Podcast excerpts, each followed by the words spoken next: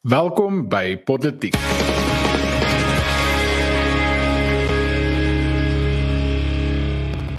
Alright, welkom julle. Uh, ek is Erns van Sail en saam in die ateljee is vandag 'n baie vol huis. Uh, kom ons begin sommer so van 'n kant af. Dis Daniel Elof, Paul Marits, Tian Alberts en dan ook Frederik van Duyk en uh Tian Alberts is vandag weer hier om saam met ons te gesels. Um ons gaan 'n bietjie van sy insigte ook vandag kry, dalk 'n nuwe gesig van ons luisteraars. Uh maar ek seker hy sal ook 'n lekker bydrae vandag kan lewer in die volgende onderwerpe wat ons vandag gaan bespreek.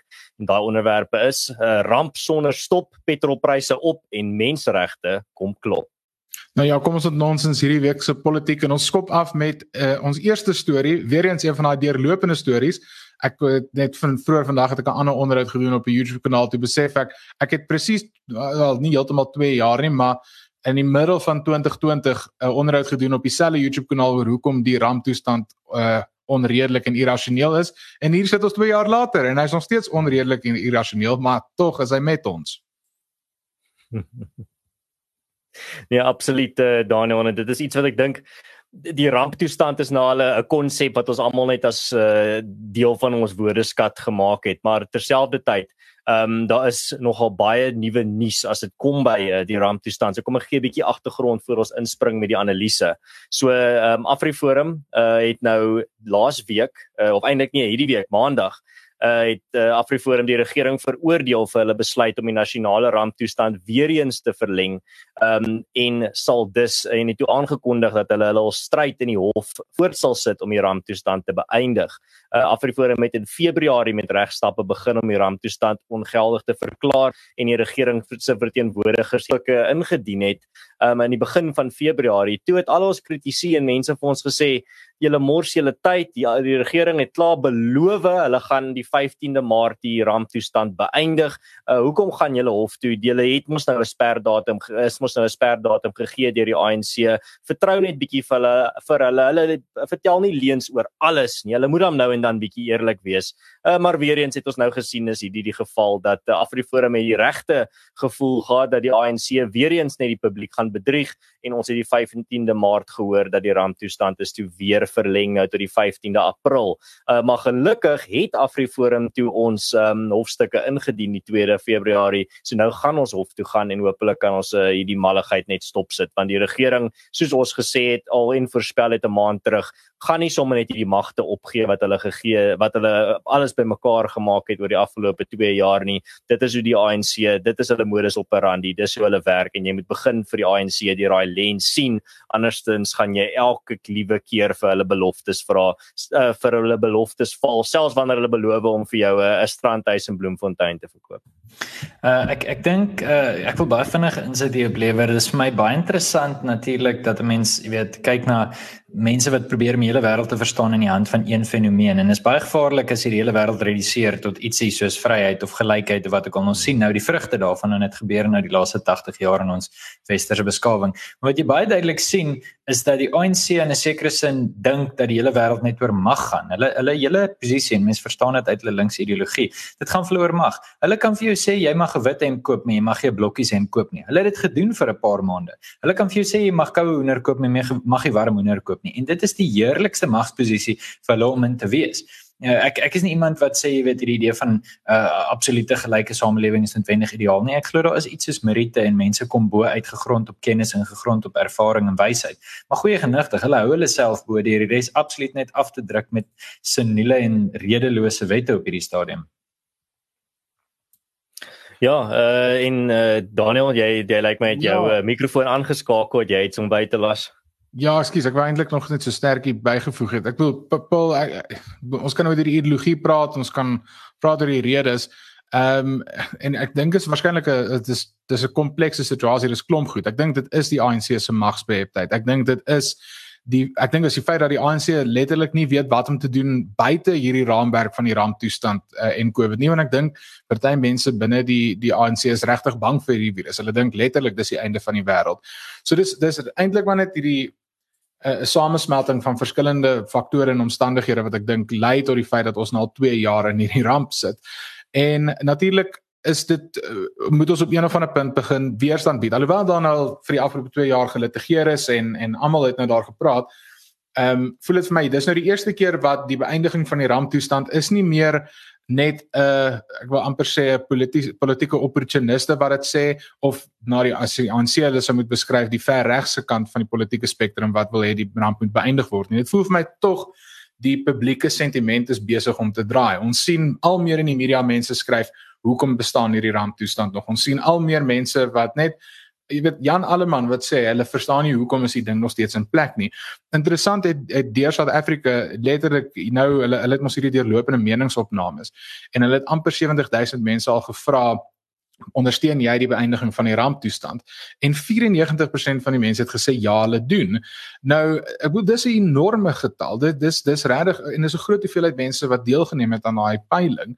So dit voel vir my tog die sentiment draai en dis hoekom ek dink dis bemoedigend dat uh Afriforum saam met Deur South Africa hierdie uh, litigasie aanpak dat solidariteit self in die hof later in April gaan wees dat Sakeliga besig is met 'n saak dat selfs ou Musi Maimane het besluit hy is lus om saam te kuier en hulle is besig om in die ramptoestand aan te pak. Dit dis wat ons wil sien. Ons wil sien hoe mense saam staan en ons wil sien hoe dit nie net die burgerregte organisasies is wat dit doen nie.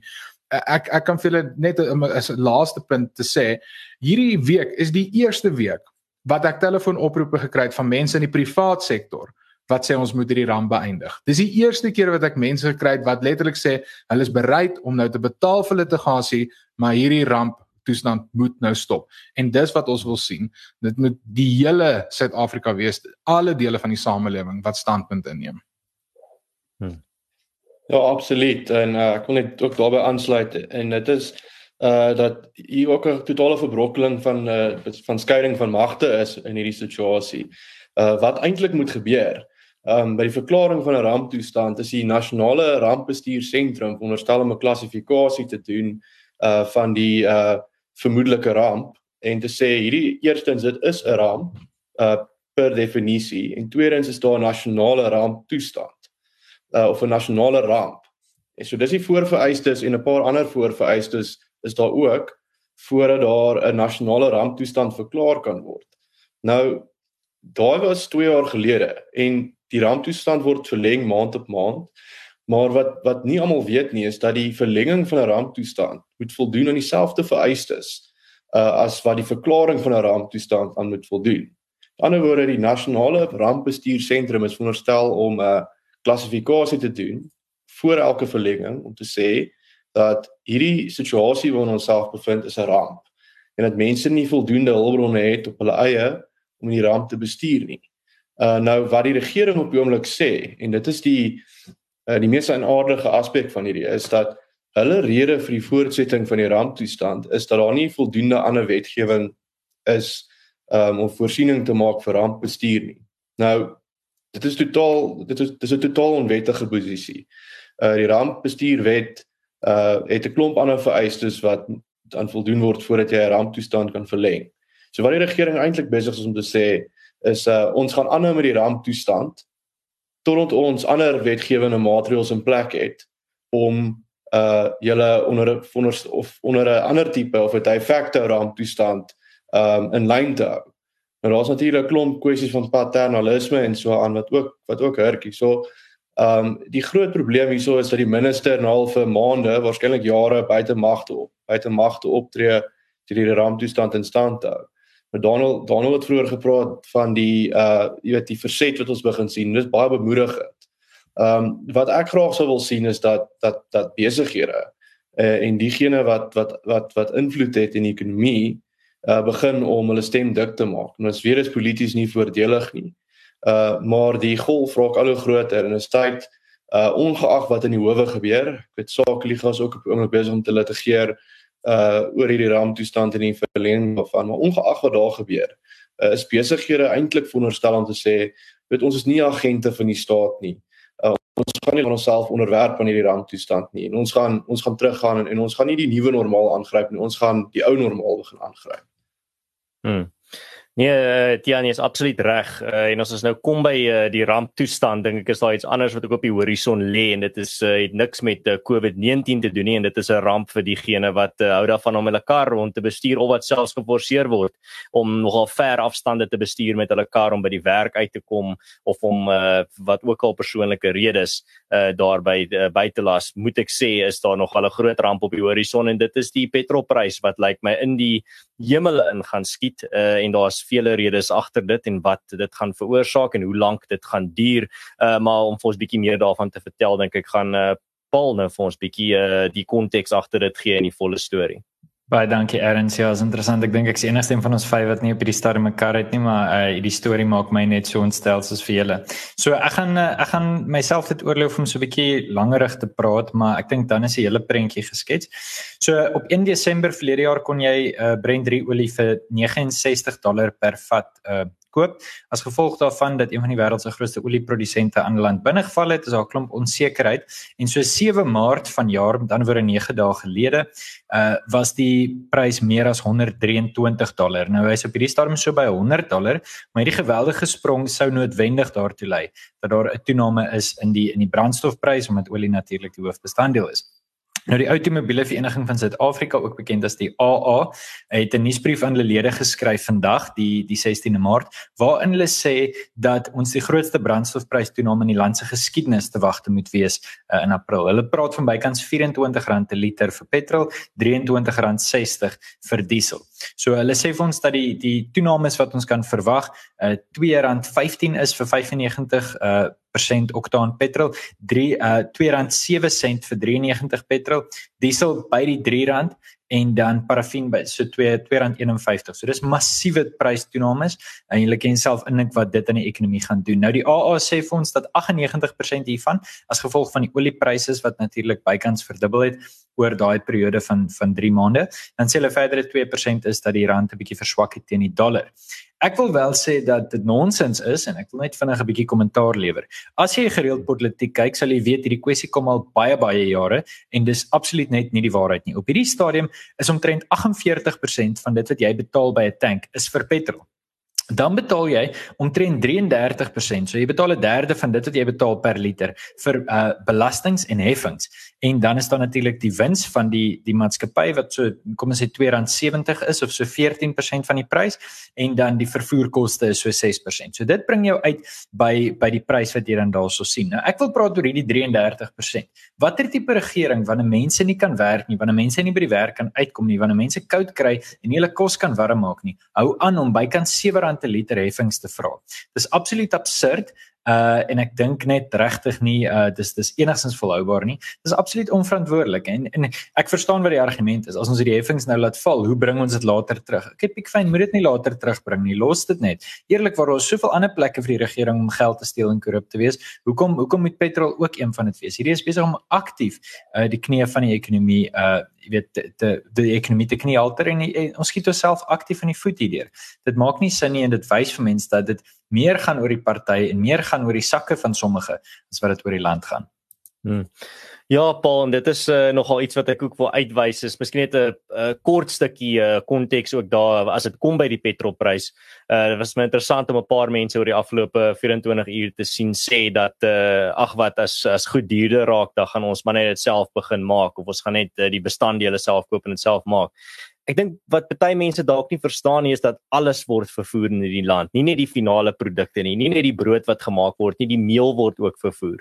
Dit is nie net die meel nie, die eiers word ook vervoer wat in daai meel ingaan. So tot al sê jy ek gaan self al die uh, soorte voedsel wat gaan duurder word self maak en gaan goedkoper uitwerk dalk maar al daai bestanddele gaan ook duurder word. Gaan net nie net die finale produkte wees nie. Elke rou produk in die land word ook duurder en dit is weens die groot rede dat ons spoornetwerk is net heeltemal in afwesigheid in verwaarloos deur die ANC daar is nie regtig 'n spoornetwerk op ter sprake in Suid-Afrika nie. En al alles in ons land word vervoer hoofsaaklik deur mot, uh, deur motors en veral vragmotors op die op ons land se paaie. Dit beteken as die petrolprys duurder word, raak alles wat vervoer word duurder. Alles wat meel in het word duurder. Alles wat eiers in het word duurder. Alles wat sonneblomolie in het, het word duurder. En dit is en dan nog natuurlik nie net daai bestanddele raak duurder nie. Die finale produkte wat vervoer moet word na waar hulle verkoop word raak ook duurder. So hierdie is wat mense in ag moet neem as dit kom by inflasie en die en die petrolprys. Moenie dink dat jy dit gaan kan vryspring nie. Dit gaan elke liewe produk in die ekonomie afekteer.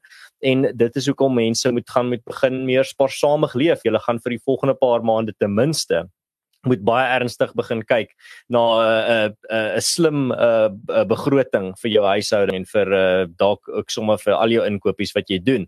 Jy gaan dalk 'n hele paar leksere moet uitsny. Dit is maar net die die die aard daarvan. Maar mense moet ook in ag neem dat hierdie is nie 'n Suid-Afrika spesifiek probleem nie. Hierdie gaan reg oor die wêreld, uh, veral uh, in die westerse wêreld kom daar baie moeilike tye uh, as dit kom by pryse en inflasie. Net die ander dag uh, in Februarie was die inflasie in Amerika Amerika 'n rekord uh, 10%. So uh, hierdie is uh, hierdie is goed wat wat mense moet aan aandag gee. Hierdie is goed wat ehm um, 'n uh, groot impak nie net in jou eie land het nie, maar ook in die in die buiteland. En ek dink die volgende paar maande ten minste gaan mense moet net begin dink om bietjie slimmer hulle geld, hulle hulle geld bestee. Nou miskien net 'n laaste uh, punt daarso Paul, ek dink is absoluut kardinaal wat jy daarso genoem van die belastings en heffings. Ons uh, petrolprys tans per liter sal hier rondom R10 tot R12 wees as jy al die belastings en al die heffings uithaal uh, en dit is volgens Alta se data. So dit gee vir jou bietjie meer van 'n van 'n insig van hoe skadelik hierdie belastings en heffings is. En dit is absoluut reg wat jy daarso sê. As die regering nou sê maar hoe gaan ons later enigstens hierdie belastings en heffings kan terugbring, vat hulle permanent weg. Dit is hulle hulle is regtig net nog 'n uh, swart gat wat ons geld ingooi uh, en dit is aan die onderkant van daai gat sit 'n klomp ANC kaders en hulle uh, vreet hulle self dik aan hierdie geld wat hulle in hulle sakke indruk. So ek dink absoluut die heffings en belastings op uh, op op die petrolprys wat in die petrolprys ingesluit word moet heeltemal afgeskaf word want dit is op hierdie punt net toenemend wreed uh, om hulle in plek te hou. Ja, Paul, jy vra so oor watter tipe regering sal nou aanhou en aanhou en aanhou die heffings byvoeg, maar ek kan vir jou eintlik 'n maklike antwoord gee. 'n Regering wat wat ontsettend bang is vir die selfgeskepte gemors waarin hulle en die res van ons osself bevind. Hmm. Ehm um, ek bedoel die opstande van verlede jaar was natuurlik uh georkestreer soos ons en van die sogenaamde verligte faksie van die ANC natuurlik dit tesame vermoed. Maar 'n groot drywer agter dit alles was natuurlik die feit dat daar net jare en jare en jare se se se afskeep ehm um, nou begin uitsteek in in, in plekke soos die weet onder die armstes in die samelewing. En en iets soos die petrolprys is 'n is een van die grootste valbyle wat jy kan hê in so 'n situasie soos ernstig nou mooi uitgewys het. En ek geskiedkundig is op is daar talle voorbeelde daarvan. Die die sogenaamde Arabiese lente ehm um, is grootliks aangevuur gewees deur ontevredenheid rondom die petrolprys ehm um, waar onder andere die petrolprys en en en en die tekorte wat daarmee gepaard gaan en die prys van brood as jy as jy dit daar kan doen. Maar ek het interessant genoeg ander dag 'n stuk navorsing gelees. Ek sal tog met julle deel waarin daar bepaal is dat die prys van brood alleen wat natuurlik vandag verwant is aan die petrolprys nie noodwendig uh die primêre oorsaak of die weet die proximate cause is van opstande en regeringsveranderinge van daai aard nie maar die die prys van brood word gekoppel aan 'n klomp ander sistemiese probleme. Ehm um, waarvan werkloosheid en so voorstellik 'n goeie voorbeeld is. Ehm um, en die en die petrolprys is amper 'n samevatting van al hierdie tipe uh jy weet van, van al hierdie tipe um, faktore. En 'n mooi geskiedkundige voorbeeld is benewens die Arabiese lente is ook in die ek dink dit was 1999. Ehm um, die diktator van Indonesië, Suharto. Hy het Indonesië regeer sedert dit by die uh, sedert die Hollanders daar uit is in ek dink 1946 en 47 kort na die Tweede Wêreldoorlog en hy was vir al daai jare lank die diktator en hy het net so Zuma was hy een van die ouens wat homself die rykste gesteel het uit die staatskoffers uit en ook weens al daai uh uh heffings wat hulle ook op brandstof geplaas het om dit te opmaak vir hierdie vir hierdie gesteel uit die staatskas uit. Ehm um, het hy homself op die einde in die, in die, in 'n hoek ingedryf gekry want later brandstof so duur geraak het jy weet dit het almal so op basis vlak geaffekteer dat die enigste antwoord was gooi die ou uit. Maak nie saak hoe lank hy diktator was nie. So ek dink vir die ANC selfs is weet hulle die skrif is aan die muur as dit kom by ehm uh, die die stygende lewenskoste rondom ons. Ehm um, en daar gaan op 'n punt kom wat ouens dit nie meer met voel hulle het niks meer om te verloor nie. Nou hopelik is dit by die stembus in 2024 ehm um, maar intussen tyd hoop ek dit is ook deur middel van die burgerlike samelewing. Ehm um, ja, ek dink dit is ja, dit is en dit 'n een verdere ding wat ek wil noem is 'n interessante perspektief wat ek ander dag uh gehoor het by my meisie se se se peetpa wat uh wat uh hy werk ook in die finansiële wêreld. En hy sê ook die wel weet jy wat die ander probleem in Suid-Afrika is dat niemand wat veronderstel is om inkomstebelasting te betaal benewens die ouens wat maklik uitgevang kan word soos ek en jy en ouens wat in die in die weet die middelklas hoë hoë middelklas werk nie betaal belasting nie. Mense betaal nie hulle erfbelasting nie. As jy kyk in baie van die sogenaamde ehm um, tribal gebiede waar daar grondeise was en so voort, daar's nie hele regte of enige vorm van inkomste wat gegenereer word vanaf vanaf die belastingbasis nie. En as jy na al daai kyk dan dan kan mens ook tot 'n mate verstaan hoekom die heffings op die einde die enigste manier is om ouens wat glad nie hulle belasting betaal nie en dit nie wil betaal nie, te kry om belasting te betaal. Nie. So dit was nou een perspektief waar waar ek so half op die draad is. Ehm um, maar ja, dit is dit is iets interessants om ook te oorweeg dat ek dink ten minste 'n mate van die petrolheffings wat ons sien is om op te maak vir die feit dat daar 'n klomp ouens is wat nie hulle deel doen nie, wat nie hulle hmm. belasting betaal nie. Ja. Ek wil net vinnig bylas toe ek uh, in my insetsel gesê het dat uh, die inflasiekoers van 10% in Amerika 'n uh, rekord is. Dis 'n 40 jaar rekord net om uh, 100% uh, die daai tegniese punt by te sit. Maar ja, Daniel, ek sien uh, jy wil iets ook bygelas het daar. Ja, ek julle hierdie kom vir my maar net eenvoudig op neer is. Dis baie duidelik. Die ANC gee nie om oor enigiemand in Suid-Afrika nie. Ek dink vir baie lank was daar hierdie persepsie wel die ANC gee om oor arme mense in Suid-Afrika. Maar dis dis eenvoudig net nie waar nie. Die inteendeel, ek dink daar's waarskynlik nie 'n politieke party wat meer uh absoluut net die die armste mense in Suid-Afrika verontagsaam as die ANC nie. En hierdie is 'n duidelike voorbeeld daarvan. Want ja, dit raak ons sakke en ja, dit maak my vies om by 'n petrolstasie te stop en amper meer as 1200 rand se brandstof te moet ingooi.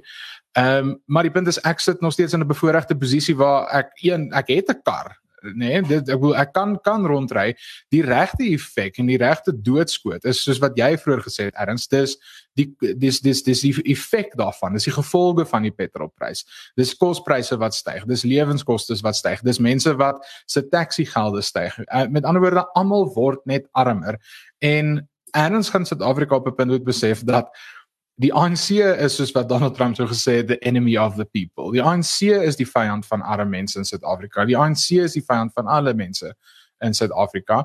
En ja dit dis dis bietjie kommerwekkend om dit so te sien, maar ek dink jy's reg. Die punt is ons gaan regtig behoorlike verset en opstand sien wanneer dit die massas begin raak en ek dink ons begin ongelukkig al nader aan daardie punt kom. Maar nou ja, uh gepraat daarvan en gepraat van die ANC wat net absoluut met ideologie behep is. Kom ons gesels 'n bietjie oor 'n ander organisasie hmm. wat met ideologie behep is en dis natuurlik die Suid-Afrikaanse Menseregte Kommissie wat alweer besig is met allerlei nonsens volgens my. Ja, goed, dankie Daniel. Ehm um, ek uh ek moet nou eerlikwaar sê oor die volgende punt wat ek nou juist vanoggend geop was, 'n punt wat ons kan bespreek want dit is vir my 'n vreeslike moeilike ding. Ehm um, en dit is die kwessie van skooldag waarop die MK dan nou volgens vanoggend se radioberigte op HSG en en ander media berigte nou op toegespits is. En daar was glo voorvalle in die Oos-Kaap waar die kwessie van skooldag en voorkoms 'n redelike groot probleem en 'n steendes aanstoots geword het. Ongelukkig het die radio onderhoud nie konteks gegee rondom watter skole wie se skole of dit privaat of openbaar is of wat ook al die situasie was. Nie maar ek weet vir 'n feit die MK is dan nou besig met 'n ondersoek daar.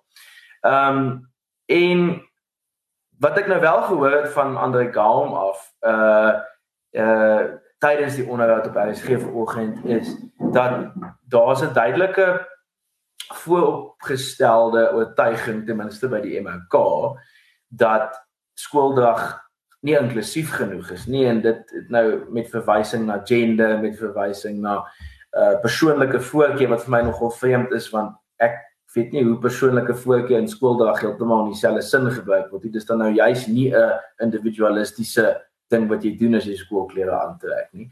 Ehm um, so dit dit het nou vorendag gekom en uh so dit het vir my meer gelyk asof dit 'n kombersbenadering is om 'n klomp ander kwessies wat met identiteitspolitiek te doen het te probeer aanspreek terwyl dit oor skooldag gaan. Dit is vir my moeilik want ek dink nou ek ek het op skool, ek dink ons almal was maar almal iets wat 'n bels op skool, maar ek het 'n geweldige klap ehm um, libertarianism weggehaal vir al my matriek ja, maar so is elke so is elke jong man wat Ayn Rand gelees het op daai stadium van sy lewe. En ehm um, ek het nog later gedink nee man skooldag is 'n klomp nonsens en jy weet wie wie nou skooldag nodig en jy weet dit is 'n dis die staat wat jou onderdruk en so voort en so voort. Maar nou later in jou lewe dan begin jy tog agterkom wel daar is seker sin in ehm um, die keuse deur 'n organisasie soos 'n skool en 'n gemeenskap om te sê maar weet jy wat as jy hier wil deel wees dan uh jy weet dan dan trek ons 'n uniform aan maar ons bepaalde geskiedenis en 'n erfenis dan verbonde en byvoorbeeld my eie hoërskool was dit nou weer die geval waar jy spesifiek aangetrek het soos ons voorouers sou tipies aantrek jy weet die vellies en die en die kakie klere en so voort wat iets is waarop mens algemeen tot albe kan trots wees so dit is interessant nou om te sien dat die MOK hulle self net al jy weet ek vir my kom dit net voor daar's 'n fyn balans. Daar is 'n mate van individualisme, mens wil nie noodwendig almal in 'n verskriklike boksie druk nie. Maar as mens jouself as assosieer met 'n bepaalde gemeenskapsbates, so byvoorbeeld 'n 'n kwartiel 5 hoërskool, 'n kwartiel 5 hoërskool of 'n hoofsaaklik onafhanklike hoërskool, dan jy weet dan voel ek daar is tog heeltemal iets te sê vir die feit dat 'n ou ehm um, assosieer die skooldrag van dieselfde uniform aan te trek. Jy weet dan dan sien ek nie wat is noodwendig hierdie probleem met met uniformiteit nie. Ehm um, so daar's 'n fyn balans en ek dink dit dit dit het op 'n filosofiese vlak te doen met hierdie verskriklike uh soort van skizofrenie in die veral die westelike Engelssprekende wêreld of die voorheen Engels gekoloniseerde Engelssprekende wêreld. Ehm um, en dit is daai skizofrenie tussen groepsbelange en die die die behoefte om deel van 'n bepaalde identiteit te vorm aan die een kant en aan die ander kant hierdie geweldige individualistiese subjektifisering. Jy weet 'n totale ehm um, aange weet uh, hoe kan mens sê obsessie met subjektifisering. Om te sê maar die subjek en die die subjektiwiteit van elke persoon is die heel belangrikste ding. En dit is 'n dit is 'n helse probleem in in die voormalige westelike samelewing sou ek sê. Want nou kry jy 'n geval waar 'n menseregte kommissie wat waarskynlik beter sou doen om taalvergrype by Stellenbosch in diepte te ondersoek. Ehm um, hulle self bemoei met iets soos die kwessie van uniformiteit van skoolklere. Dit sê maar terwyl die in hulle hulle doen dit vanuit die die uitgangspunt dat totale subjektifisering die belangrikste is. Dat elke liewe subjek se behoeftes moet in alle tye voorna gekyk word. So dit is 'n redelik filosofiese onderliggende punt maar ek hoor graag wat julle te sê daaroor. Wel, die deel wat ek ook net vir hom bylas is is bietjie breër die gesprek oor wat die menseregte kommissie homself mee besig hou want dis dis altyd vir my baie interessant om te sien hoe selektief hulle hulle van hierdie goed ondersoek. Ek bedoel so hulle is besig met hierdie skooluniform vraagstuk. Hulle is ook op die oomblik besig om die advertensiebedryf te ondersoek oor beweerde rasisme. Dit kom nou natuurlik na daai ek dink is die Clicks advertensie of die die Presma advertensie. Ek kan nie eens onthou wat nie. Ek dit daar so baie nonsens dat mense vergeet die spesifieke details. Maar hulle is nou besig met 'n ondersoek daaroor en hulle het ek dink gister of eergister met Mboyesien en Plosi van die EFF verlang gepraat. Ek weet Gabriel Kraus van die ERR het vandag gepraat. Dit is ek vir my interessant om te sien dat dit is waarmee die menseregte kommissie hulle self besig hou. Ek wil in 'n in 'n land waar ons regtig sit met legit menseregte vergrypings waar ons regtig sit dat die beloftes van ons grondwet eenvoudig nie net ons leef nie op tot daai beloftes nie. En nou besluit hulle om hulle self met hierdie nonsens besig te hou. Daar's regte werk om te doen en kan hulle asseblief net hulle grondwetlike plig en mandaat behoorlik nakom. Hmm. Ja, ek ek sal vinnig bylas uh by dit uh ek wil nie my mond te veel oor uitspoel nie. Ek wil ook nie te veel in in whataboutism verval nie, maar uh jy weet uh, wanneer dinge regtig sleg gaan in Suid-Afrika, wanneer uh skole uitmekaar uitval en kinders verdrink in pittoilette en kragwerk nie. Dan sien ons hoe staatsinstellings en ook ongelukkig hoofstuk 9 instellings begin fokus op op padname, straatname en begin fokus op lughawe name en iets soos hierdie, jy weet, uh, klere drag. Nou wat vir my baie ironies is van hierdie kwessie is, weet uit die uit die oogpunt van gelykheidskrygers waarvan daar baie oorvloed op die MRK se paneel sit, uh gaan dit juis klasseverskille begin uitlig as uh as skooliere hulle eie klere drag moet begin aantrek. Uh so ek ek weet nie regtig waarmee hulle besig is nie in terme van hulle eie ideologie is hulle besig om eintlik net hulle self te ondermyn. Uh en dan die die, die laaste ding wat ek wil sê oor die MRKs, ek kan nie glo dat belastingbetalers se geld aangewend word uh vir hierdie tipe uh talk shops uh en en uh non of uh um kwessies wat eintlik nie kwessies is. Um soos soos jy sê Daniel, ons baie ander beter goed waarop hulle kan fokus.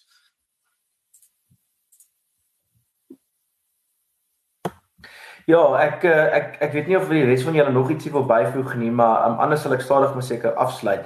Ehm um, eerstens Tian, baie dankie vir daai nuwe eh, neologisme gelykheidskruigers. Ek dink ons kan hom afwagtig vir die HAT steem op te teken of vir die WAT. Ehm um, uh ek dink die die ander punt wat ek wat ek daarby wil maak is veral nou op Daniel se se punt by die MK ondersoek rondom die weet ek ek neem aan subtiele rasisme wat beweringswaardig dan nou in sekere advertensies voorkom. My vraag is waar gaan hulle dit baseer in regsterme? Want daar is nie eintlik op die stadium enige vorm van van regsvoorskrif wat vir jou kan toelaat om te gaan soek vir implisiete rasisme nie. Ehm um, dit is dit is ek weet daar was in die nuwe Bepoeda wetswysiging wat op 'n stadium laas jaar of 'n jaar voor die ronde gedoen het, ehm um, was daar hierdie nuwe inskrywing dit wat te maak gehad het dan nou met ehm um, uh, met met sogenaamde uh ek wil amper sê subliminale rasisme. Maar die feit dat mense nie jou gedrag noodwendig kan aanpas by iets soos subliminale rasisme nie, juis oor dit subliminaal is of die beweerde ehm um, uh gewaarwording daarvan subliminaal is, maak dit vir my baie moeilik om te sien hoe dit in 'n regstelsel enigstens aangespreek sal word. As dit as dit enigstens 'n konsep is. Ehm um, so ek weet nie vreeslik en en miskien ek moet wel myself kwalifiseer as dit kom by die skole kwessie en dit is ehm um, dit is dat ek ek dink miskien moet mens die MOK bietjie tou gee en die of 'n bietjie deference gee in daai verband omdat uh miskien gaan hulle juis gaan kyk. Okay, hier's nou 'n kwessie oor skoolklere. Miskien moet hulle nou juis gaan opweeg die die individuele individuele behoeftes rondom identiteit en die die gemeenskap se behoeftes rondom uniformiteit in sekere kontekste. So miskien miskien kom ons kyk wat hulle doen in daai opsig. Ek weet dit nie so mooi waar hulle hierdie subliminale rasisme ding in advertensies regsgewys gaan baseer nie. Maar oor na oor na jou toe Daniel. Ja, wel, dalk het 'n laaste gedagte daaroor, Frederik Boel. Eh, ons weet beide uit 'n regsoogpunt daar daar is nie oomblik nie, nie ten minste soos wat Pura nou lees of ons grondwet nou lees nie.